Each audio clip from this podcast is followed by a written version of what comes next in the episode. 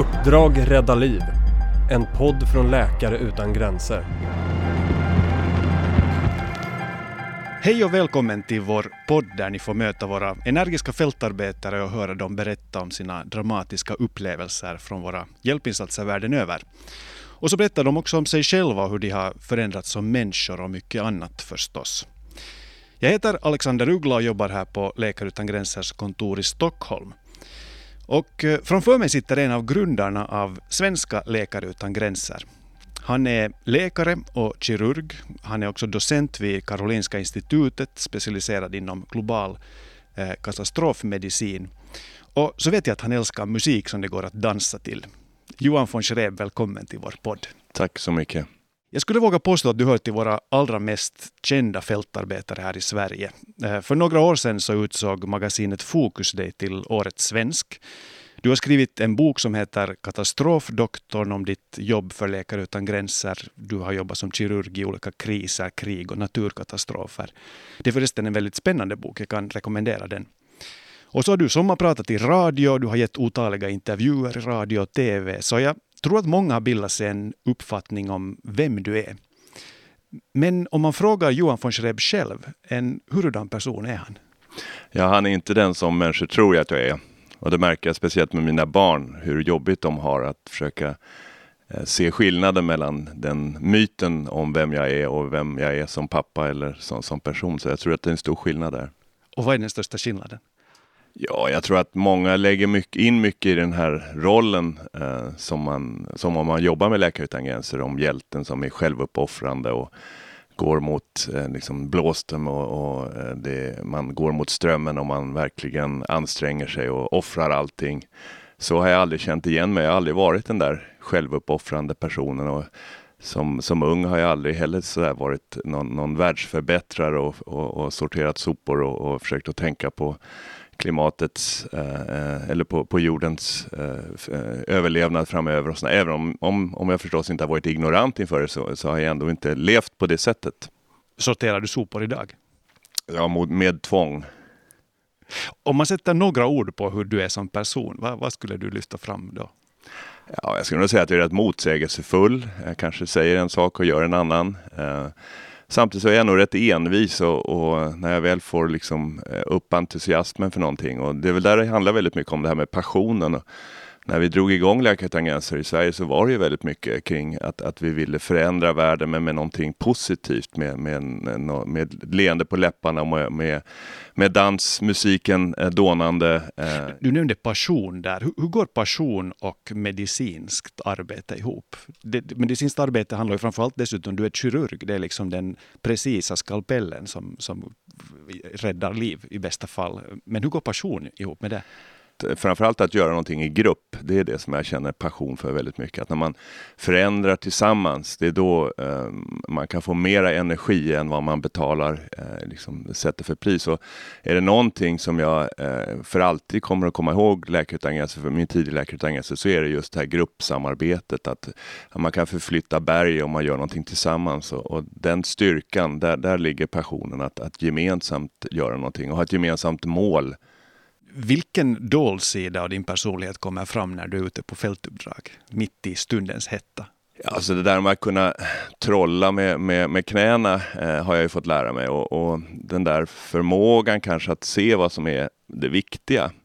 Och det är någonting som jag har svårt med när jag jobbar i den svenska sjukvården. Även om jag inte jobbar så mycket nu så har jag svårt med det där när man, när man inte hushåller med resurser på ett bra sätt. När man slösar bort grejer för, bara för att eh, Eh, man inte man till 100 % vill vara säker på ditt eller datt så beställer man den där extra undersökningen. Jag tycker man ska kunna lita mera på sitt omdöme och sin professionella förmåga. Och den där, tack vare att jag har jobbat under, med, ute nu så mycket med, och med knappa resurser, där, den där förmågan att kunna se vad som är viktigt och vad som är oviktigt. Eh, vad som bara är lite skit på, på väggen och vad som är en stor risk för att det blir en infektion. Att, att se skillnaden mellan de där eh, och från, att, att, att liksom sålla stort från smått, det, det, det har jag lärt mig och, och det har jag, tycker jag har varit en, en, en viktig skola att gå i när jag jobbat med Läkare utan gränser och inte minst då att jobba med lokala läkare och sjuksköterskor som ju är experter på det där. De är ju experter på...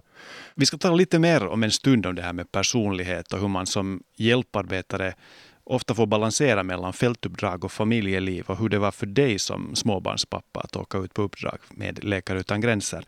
Men jag tänkte att vi kort så här före det ska fokusera lite på någonting som det varit tal om mycket de senaste veckorna, nämligen naturkatastrofer. Eh, jag tänker framförallt då på jordbävningen och tsunamin i Indonesien här i september. Och du Johan, du har inte jobbat just i den naturkatastrofen, men du har varit på plats i tre stora naturkatastrofer med Läkare utan gränser. Det är alltså jordbävningen i Pakistan 2005, den väldigt stora jordbävningen i Haiti 2010 och sen tyfonen på Filippinerna 2013. Och det här är ju händelser som har påverkat otroligt många människor väldigt plötsligt och med förödande konsekvenser och, och där behovet av sjukvård har varit enormt. Om vi börjar där med Pakistan, närmare bestämt Kashmir. Jordbävningen inträffade i oktober 2005 eh, och den skulle lämna efter sig nästan 90 000 döda och omkring 70 000 skadade. Och du skickades alltså dit som medicinsk koordinator för Läkare utan gränser. Vad är ditt främsta minne därifrån? Ja, det, framförallt så är det ju alla stoiska människor. Um, ibland så när vi ser de här bilderna på, på tv eller, eller vad det nu eh, vi uppfattar någonstans så är det ju, vill man tänka sig att det är offer. Men jag har aldrig träffat några offer och jag träffade inga offer i Kashmir heller. Jag träffade bara folk som har tvingats ner på knä och, och på något sätt måste ställa sig upp och, och, och eh, bara bli av med, med, med dammet och, och, börja eh, snickra upp sitt hus igen. Att det går liksom inte eh, att, att passivt vänta på att någon ska komma och hjälpa en. Och, det, och, de människor som jag har träffat på på alla de här ställena, de har ju varit extremt stoiska i, sin, i sitt sätt att förhålla sig till det. Till och med i Kashmir som jag tyckte var nästan eh, ja, obehagligt, det var ju hur man klandrade sig själv för det här att man hade varit för dålig, eh, dålig muslim, man hade bett för lite så det här var liksom straffet som man fick. Så att, eh, I Sverige så hade vi skyllt på myndigheterna eller, eller hittat någon att skylla på men, men eh, även den här fattiga befolkningen långt ut på landsbygden bara tog det där på, på sina egna axlar men, och, och, och, blev liksom på så sätt inga offer. Och, det är nog min, min starkaste erfarenhet eh, att, att det finns en skillnad mellan de bilder som vi ser som kablas ut och eh, hur det verkligen är på plats. Och, och, det är någonting som jag har lärt mig, den här enorma skillnaden. Um, och, och, den största skillnaden, vad tycker du den överlag är när det gäller naturkatastrofer? Ja, det verkar ju som att vi har något behov av att, att, att, att eh, det är folk som är offer som ligger och väntar på att vi ska komma och tvångsmata dem på något sätt. Och själva verket så är det folk med enorma förmågor så att det vi gör i form av hjälpinsatser måste ju handla om att stärka deras förmåga, inte att tvångsmata dem, vilket man får en känsla för att, att det finns nästan ett behov av oss att, att vara de här starka. Att det får oss att må bättre att, att någon annan är så svag att vi måste ta hand om dem och att det är vårt ansvar numera. Och det tror jag är det farligaste som finns, det är att ta över ansvaret från en annan människa. Man måste ju behålla ansvaret för sitt eget liv, även om man har det svårt. Men eh, det handlar ju om att, att sträcka ut en hjälpande hand och att inte liksom, så att säga, ta över. Den här jordbävningen inträffade ju i oktober eh, och det var visst väldigt kallt. Jo, det var ju extremt kallt, det var ju nollgradigt på nätterna och, just den här känslan att under den tiden som jag var där eh, aldrig, kunna, eh, att aldrig kunna ta av sig jackan. Eh, var, man stod, jag stod och tvättade mig på morgnarna och, och liksom, man fick knacka igenom islaget på, på hinken med vatten och, och eh, sen så på med varma kläderna igen och, och, i tälten var det ju förstås iskallt. De patienter som kom till er klinik, vad, vad hade de för skador? Alltså vilka skador har man efter en stor jordbävning? Och då är det framförallt skador på armar och ben, brutna ben förstås. Eh, och sen så får man inte heller glömma bort den vanliga sjukvården. kvinnor fortsätter att föda barn och det var ett stort problem i Kashmir att, att kvinnosjukvården var extremt eftersatt.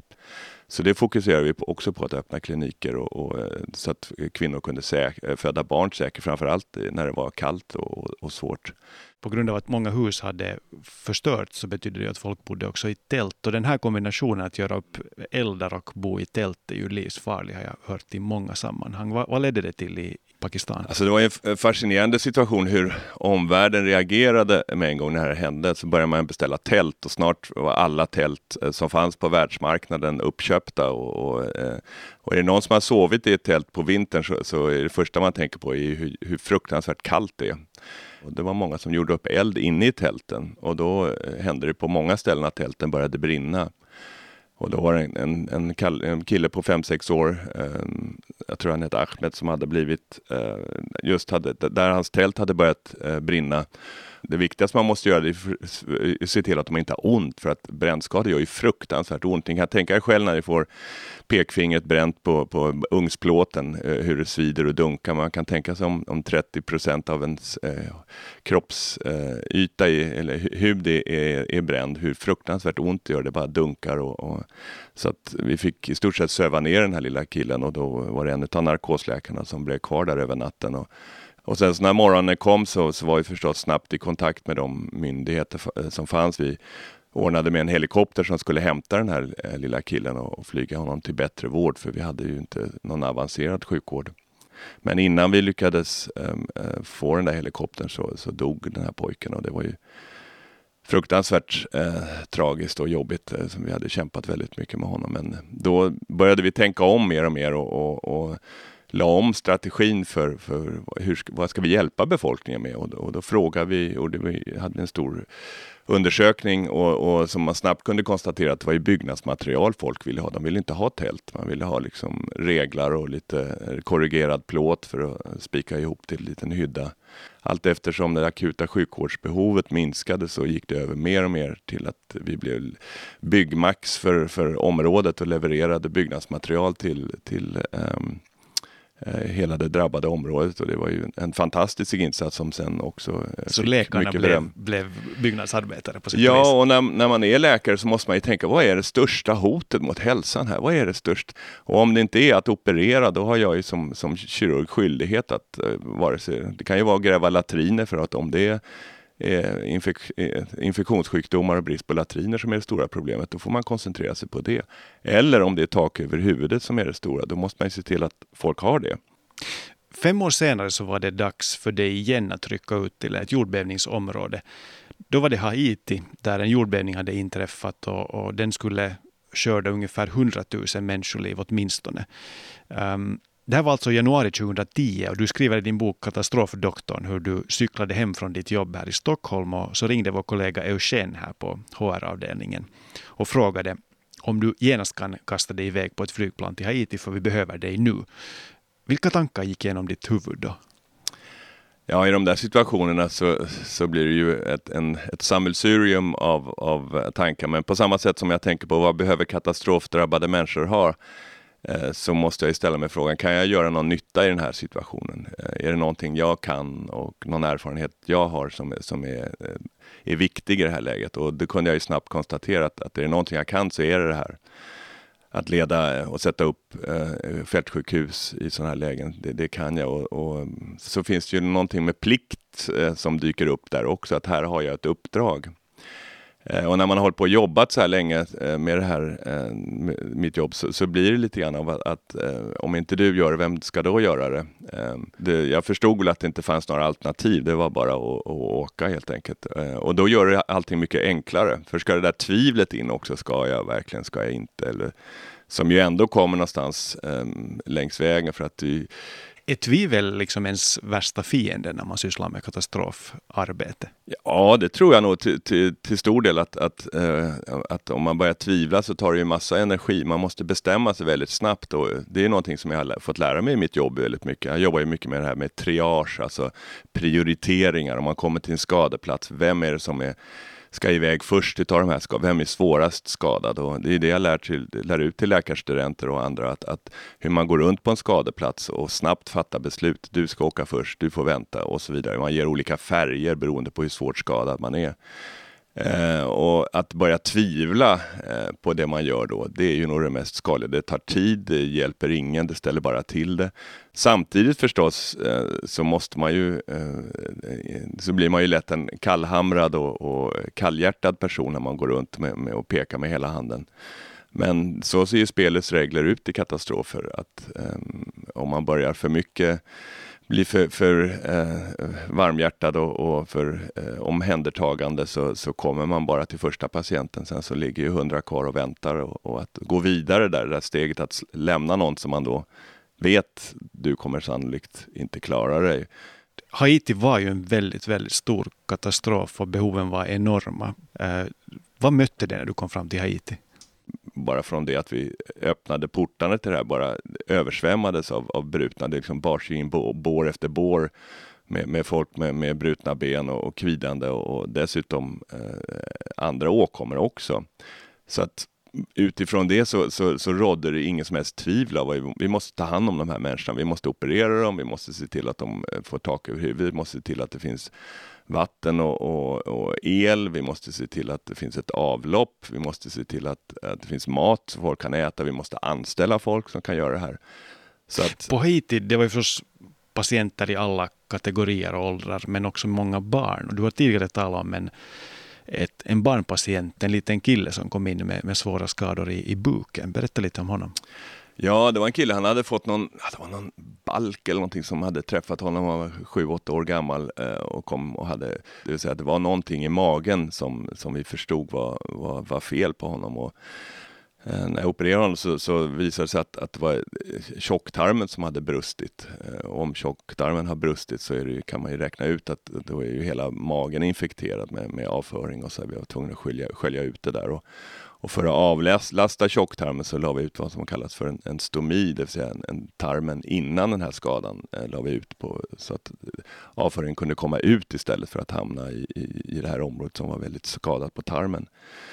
Men han var ju extremt nedgången och, och han liksom pendlade mellan liv och död hela tiden. Men han hade, hans mamma var där, hon var otroligt eh, stark och hon eh, matade honom med sked från väldigt tidigt. Um, och, och vi, vi, gav honom dropp och så vidare. Men sen så när det liksom, man förstod efter tre, fyra dagar att, att det här håller på att vända och, och se den där när man går rond, att, att få ett leende tillbaks, det brukar ju alltid vara ett, ett väldigt gott tecken på, på att det, det är åt rätt håll. Och, och sen så blev han ju successivt bättre och så kunde vi till slut lägga ner den där stomin och han kunde gå därifrån och, och eh, ut och kicka boll igen. Ehm. Det där leendet man får från en patient, kanske speciellt då en barnpatient som har trots allt överlevt mot alla odds. Va, va, va, vilken känsla väcker det hos dig?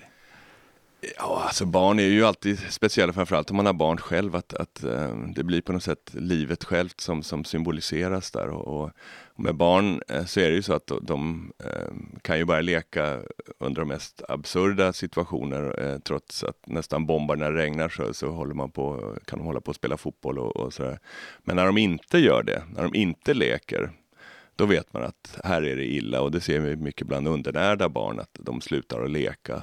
Och det där leendet är likadant, att det är på något sätt som att, um, att det, när det väl kommer, då förstår man att nu är det någonting som har hänt uh, och att det går väldigt snabbt. Och eh, på så sätt så med barn är det ju så häftigt för att eh, lyckas man eh, med en operation så, så vänder det väldigt fort. Va? Frakturer, eh, brutna ben läker mycket fortare hos barn och, och och det, sen så eh, kan de ju snabbt, är de ju väldigt anpassningsbara på ett sätt som, som, inte, människor, eh, som inte vuxna är. Framförallt inte sve, eh, svenska vuxna är. Ehm, eh, vi är dåliga på att anpassa oss men, men, men ungar är ju fantastiskt bra på det och därför så blir de ju någon slags lackmus, snabbt lackmuspapper på, som testar på vad man har, om man har lyckats eller inte och, och, det är på något sätt att när man får det där leendet så känns det, ja, det gick vägen den här gången. Jag tänkte att vi ska tala lite om, om dina barn och din familj. För under alla de här uppdragen och förstås många fler uppdrag som också har gått till krigsområden så har du haft din familj, din fru, din dotter och din son att tänka på det var ju faktiskt din fru Susanne som, som egentligen lockade med dig i Läkare utan gränsers verksamhet. Och ni åkte ut på uppdrag tillsammans. Och, och din son föddes när Svenska Läkare utan gränser grundades för 25 år sedan. Och dessutom har ni bott utomlands i Kambodja eh, tillsammans med familjen när du jobbar för Läkare utan gränser där. Kan man säga att, att Läkare utan gränser är ditt tredje barn? Ja, eller min älskarinna brukar min, min fru säga. Eh, nej, det, det föddes ju ungefär samtidigt så att, så att det är väl någon slags det låter incestuöst att säga att det är både en, en älskarinna och ett barn, men, men jag tror att det har båda dimensionerna på något sätt. Att, tillbaks till det här motsägelsefulla, att det har något liksom elektriskt, att det liksom eh, energier på något sätt som motsägelsefulla energier. Du jobbar ju också för Läkare utan gränser i samband med folkmordet i Rwanda, som ju då inträffade 1994. Då var din son knappt två år gammal och din fru var gravid med din dotter. Eh, vad krävs det av en person att fatta ett beslut att åka till ett krigsområde i en sån livssituation? Ja, det har jag tänkt mycket på, men alltså, tror anledningen till att jag åkte till Rwanda, det, var, det, tog, det som började ju med att, att det var då vi, vi, vi drog igång Läkare utan gränser 94 på våren i, maj, i april när, när, när folkmordet drog igång och det var ju så extremt eh, hemskt att se det där, även inte nu direkt utan, utan på, på, på avstånd och en av våra medarbetare, hans eh, syster blev eh, mördad nere på plats och vi nästan kunde höra det via telefonledningen. Och, så gick ju tiden och, och, så blev min fru gravid och sen så var det ju eh, och, strax innan att det gått ett år sedan folkmordet att, att det då gavs en möjlighet. Och då hade det lugnat ner sig lite förvisso, men, men fortfarande så var det ju en, en, ett land som, som ehm, eh, fortfarande höll på att kvävas under skulden. Och, och, men då gavs den här möjligheten och då kände jag bara nej, jag måste åka. Eh, samtidigt så, så eh, kan man ju efteråt tänka, vad, vad tänkte du? Jag tänker, det, tänker på det när jag, när jag träffar många som nu har små barn och säger att, och som har jobbat med läkarutbildningen, säger men nu kan jag inte åka för nu har jag små barn. Och tänker jag, men jag åkte ju. Hur, kom det sig att du ändå fattade beslutet? Hur, hur, hur tänkte du då? Den typen av, av, av eh, känsla kommer över mig i de här situationerna. Att, att eh, om inte du ska, om inte du kan åka dit, om inte du kan bidra med din kompetens i det här läget så, så är det något som, som du har eh, förverkat din, din rätt till att, att jobba med de här frågorna. Och ska du vara kunna prata om det här, ska du kunna utveckla en organisation så måste du fan ha erfarenhet av det. Och vi kan ju bara tänka på Kar Nya Karolinska eller andra stora ställen där, där de som beslutar inte kan någonting om, om verksamheten och, och jag, jag, känner att jag måste veta någonting om om jag ska leda den här organisationen så måste jag själv veta hur det är och jag måste också bidra. Jag kan ju faktiskt någonting i det här läget. Många år senare, 2014, då åkte du, du bestämde dig för att åka till den stora ebolaepidemin i Västafrika. Eh, det var alltså för Världshälsoorganisationen du jobbade då, inte för Läkare utan gränser. Men i vilket fall som helst så, så har du berättat att din dotter, hon tyckte det var väldigt svårt. På vilket sätt var det svårt för henne?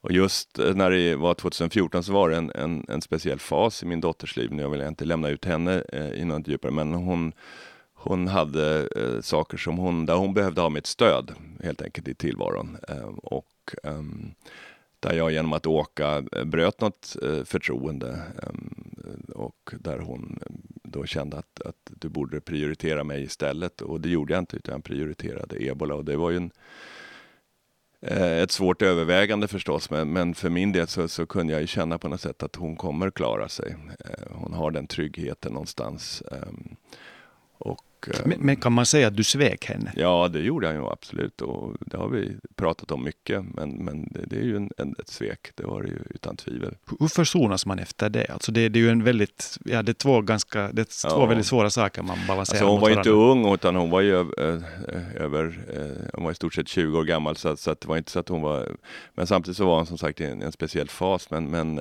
ja, man får prata om det och jag tror någonstans att hon förstår mig intellektuellt och så vidare. Men det kommer väl en sån här fas i alla föräldrars liv där, där man kommer att eh, kanske inte svika sina barn men inte kunna leva upp till, till de förväntningar som ställs på en förälder. Och det, kanske, det, det är då kanske den dagen som barnen blir vuxna och, och det där brottet eh, är ju en, en, smärtsamt för, för alla inblandade.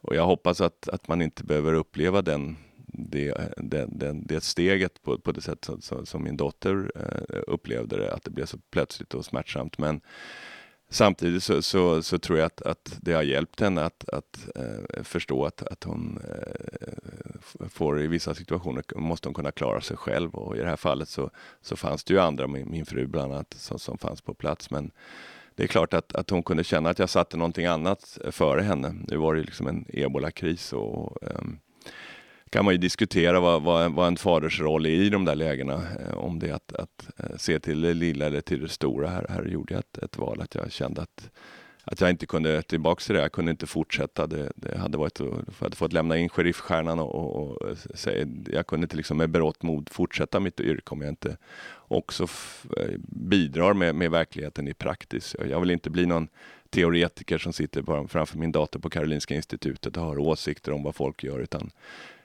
då vill jag också delta i det och, och ta de eventuella risker. Och, men då betalar man ett pris uppenbarligen. Och, och Vilket är det pris, pris du har fått betala? Om vi tänker just på familjen.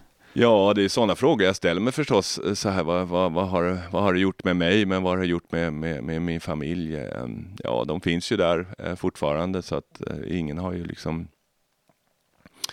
Eh, eh, behövt sett, eh, betala något pris som har varit alltför drastiskt. Men samtidigt så har det förstås satt spår, det är jag övertygad om. Och det är väl det alla föräldrar gör när, när barnen börjar flytta hemifrån. Man ställer frågan liksom, hur pass bra förälder har jag varit? Jag hoppas i alla fall att, att jag genom mitt, genom mitt agerande ändå har förstått för någon slags eh, moraliskt eh, ställningstagande och, och, och, men också visa på att, att moraliskt ställningstagande har ju också ett pris. Ibland tror vi att det, att det ska vara gratis, att allting ska bara vara att surfa på en räkmacka. Nej, men du har några gånger nämnt en sheriffbricka, beskrivit ditt jobb som att kanske vara en sheriff i vilda västern. Är det så att du är en sheriff? Beskriver det din personlighet? Ja, uppenbarligen om jag använder det. Nej, men det är väl mer tanken om, om, om eh, plikten tror jag och, och, och, att man har en uppgift. Va? Och när uppgiften blir tuff, när det blir svårt, ehm, så, så kan man inte liksom vända ryggen åt, åt uppgiften. Eh, det går inte att stoppa svans mellan benen och dra, utan eh, och då är alternativet att, att lämna in eh, sheriffbrickan och det är väl lite grann den allegorin att, att sheriffarbetet är, är liksom ett tufft arbete, att, att det står i skottlinjen eller må, må vara och att, att man måste också kunna skilja på vad som är vad som är rätt och vad som är fel, vem som är, eh, vem som är på den goda sidan och vem, vem som är på den andra sidan. Och, eh, det där är inte alltid lätt. Va? Och det där med mål och medel, va? hur pass mycket medel kan jag använda för att uppnå det mål som jag har och vad är egentligen Läkare utan gränsers mål och, och, alla de där aspekterna tror jag är, är någonting som jag reflekterar väldigt mycket över. Um, och, och um, du är ju en av grundarna av Läkare utan gränser här i Sverige och vi fyller 25 år i år. Och för att fira det så har vi samlat en massa gamla videor, bilder och, och dagboksanteckningar på vår webb. Det lönar sig att gå in på adressen 25.lakareutangränser.se och kolla. Alltså 25 är siffror.lakareutangränser.se och titta där. Jag tänkte fråga dig, um, om du skulle få ge ditt 25-åriga jag, den blivande kirurgen och hjälparbetaren, ett gott råd från en man som börjar närma sig 60 år, vad skulle det goda rådet vara? Ja, att du är på rätt väg på något sätt. Eh, och lite grann här vi brukar säga, fake it until you make it. Att det är bara att köra på. Ibland så tror jag att man är så allvarlig med de uppgifter man har. Och hade jag vetat då hur det skulle vara idag så hade jag aldrig trott mina ögon. på något sätt. När vi startade den här lilla skalan, det var ju inte för att starta en organisation och med insamling och vad är det nu, 70-80 personer som jobbar på kontoret. Nej, vi hade en idé, vi hade en drivkraft och nu sa vi bara vi kör nu. Eh, så att eh, verkligen, eh, det, det, är en stor förvåning och en enorm tillfredsställelse måste jag säga att det lever vidare och att nästa generation eh, tar vid där vi slutade eh, och lämnade över och att det inte bara dött ut. Eh, att medelåldern fortfarande är låg. Va? Tittar man på många andra organisationer i Sverige som håller på med liknande så är medel, medelåldern väldigt hög och det, det tror jag är farligt. Att, att måste se till att de unga kommer in och att man förändras med tidevarvet också. Och, och det tycker jag verkligen Läkare utan gränser idag som fyller 25 år då eh, har lyckats med. Och att, att det är en levande organisation. Sista frågan. Jag vet att du ska åka till Jemen alldeles snart för att åka på ett uppdrag med Världshälsoorganisationen för att utbilda personal där. Och som jag nämnde i början så är du en stor vän av musik som man kan dansa till. Och jag vet att du har ett litet trick vad gäller att hitta ny musik, ny lokal musik som det går att dansa till. Vad är det här lilla knepet? Alltså det, i varje, till varje land man kommer så finns det bra musik, det, det vet jag. Ehm, men att hitta den där musiken, då kan man ju inte gå in i någon skivaffär eller, eller ehm, möjligtvis kan man leta på nätet nu men det tycker jag verkar jobbigt. Utan, men att hitta pulsen, att hitta samtiden. Då är det ju taxichaufförerna jag brukar använda mig av. De sitter ju hela dagarna i bilen och de har eh, lyssnat på musik. Och nu för tiden, vilket är häftigt, så har de nästan all musik på en USB-sticka som sitter och, och, spelar. Så att då brukar jag bara be om att, att få kopiera den när, jag, när vi har lärt känna varandra lite grann och, och de, eh, de chaufförerna som jobbar med Läkare utan gränser. Och då får man ju hem en, en fantastisk eh, skörd av, av samtiden i det landet. Och sen så kan man ju relatera till det landet och börja prata med folk genom musiken och genom de, eh, de, den gamla musiken också och den nya musiken förstås. Tack Johan Forsrev för det musiktipset och det här samtalet. Tack. Jag heter Alexander Uggla och har du frågor eller funderingar om det vi pratade om, då ska du höra av dig till oss. Du hittar oss som Läkare utan gränser Sverige på Facebook, Instagram och Twitter.